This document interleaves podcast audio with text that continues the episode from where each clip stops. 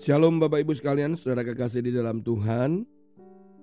Kita akan membuka firman Tuhan sebagai renungan kita hari ini di dalam Amsal 17 ayat yang ke-21. Siapa mendapat anak yang bebal mendapat duka dan ayah orang bodoh tidak akan bersuka cita. Penggambaran ayat ini sebenarnya akan lebih tepat ketika sebuah peristiwa beberapa tahun yang lalu ketika seorang pengusaha bernama Rafael Samuel. Dia seorang pemuda berasal dari India.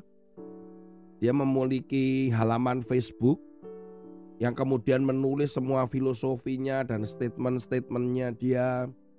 Kemudian wajahnya yang ditutup dengan kacamata, biasanya kacamata hitam kemudian ada jenggot palsu, kemudian dia menuliskan banyak hal tentang filosofi atau keyakinan yang diyakini dia.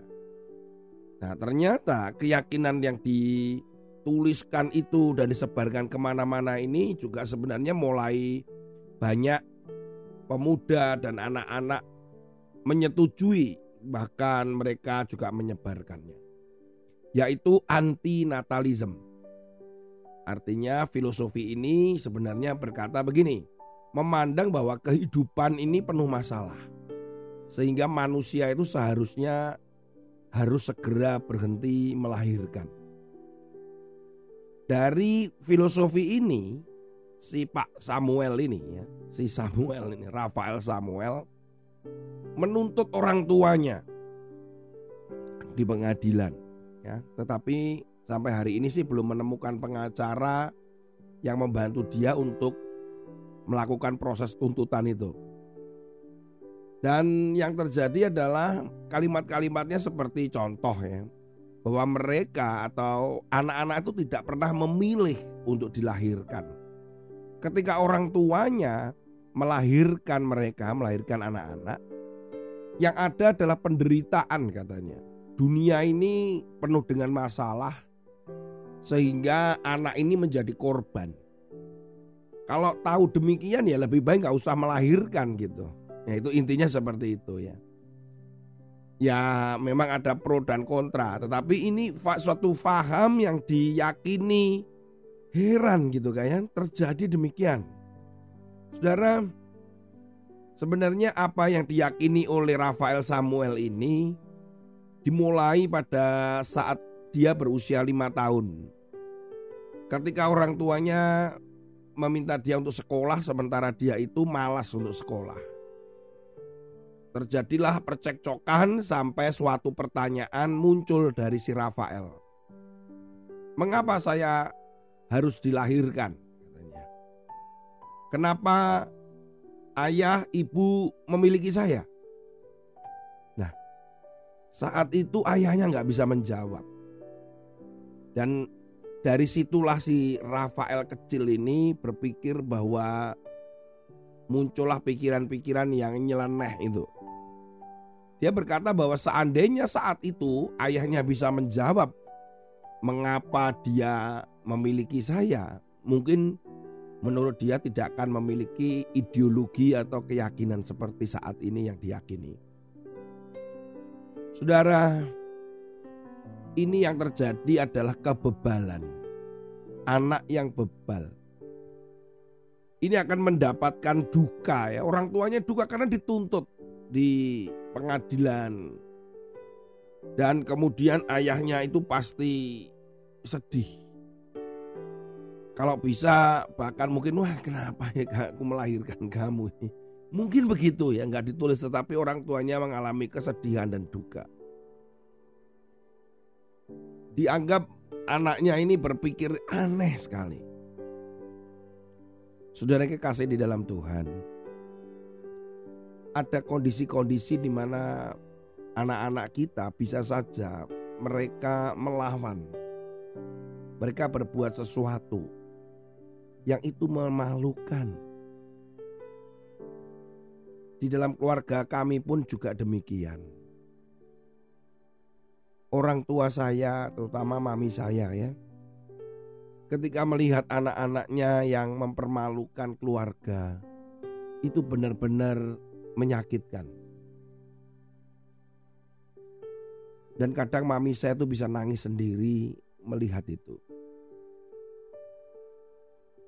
Saya kadang hanya mendengar, tetapi apa yang dialami dia saya tahu bahwa itu berat buat beliau. Di mana mami saya kehilangan anak-anak saat anak-anaknya yaitu kakak-kakak saya akhirnya meninggalkan keyakinan hanya karena sebuah pernikahan demi pernikahan. Kemudian mami saya cuman pasrah.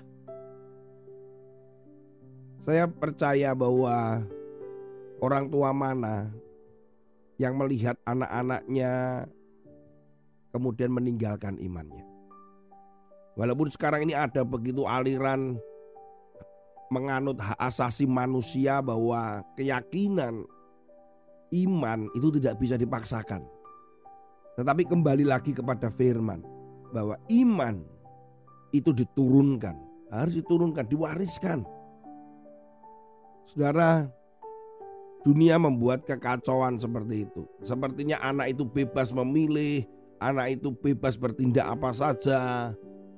Sehingga anak itu juga bisa menuntut orang tuanya. Anak itu juga mengatakan, "Oh, saya tidak diminta untuk dilahirkan kok kenapa saya mesti lahir?" Gitu. Wah, itu jadi itu logikanya jadi kacau dah. Tapi ada saja aliran yang akhirnya tetap meyakini itu. Saya tidak memilih dilahirkan. Sehingga saya saat ini menghadapi penderitaan. Oleh karena itu tanggunglah saya dan biayai saya sampai kapan pun. Itu ada yang sampai sedemikian ekstrimnya saudara. Mari kita kembali kepada firman Tuhan saja. Bahwa mari kita terus berdoa. Supaya anak-anak kita atau kita sebagai anak. Kita memberikan hormat kita itu dengan menjaga nama baik menjaga nama baik keluarga, menjaga nama baik orang tua kita. Kemudian kita juga membanggakan mereka. Jangan merasa kita itu dituntut, jangan merasa kita itu dipaksa. Tapi semuanya itu untuk kebaikan. Bukan hanya kebaikan mereka, tapi juga kebaikan kita sendiri. Kalau toh pun ada didikan, ada ajaran, itu semuanya untuk kebaikan kita. Sementara kita sebagai orang tua juga melakukan hal yang sama Anak kita memang bukan milik kita, dia milik Tuhan. Tetapi Tuhan mempercayakan mereka kepada kita untuk dididik, untuk dibesarkan, untuk diajar, untuk dirawat, untuk dilindungi. Sehingga mereka mengerti kasih Allah melalui kita orang tuanya. Tuhan Yesus memberkati saudara. Amin.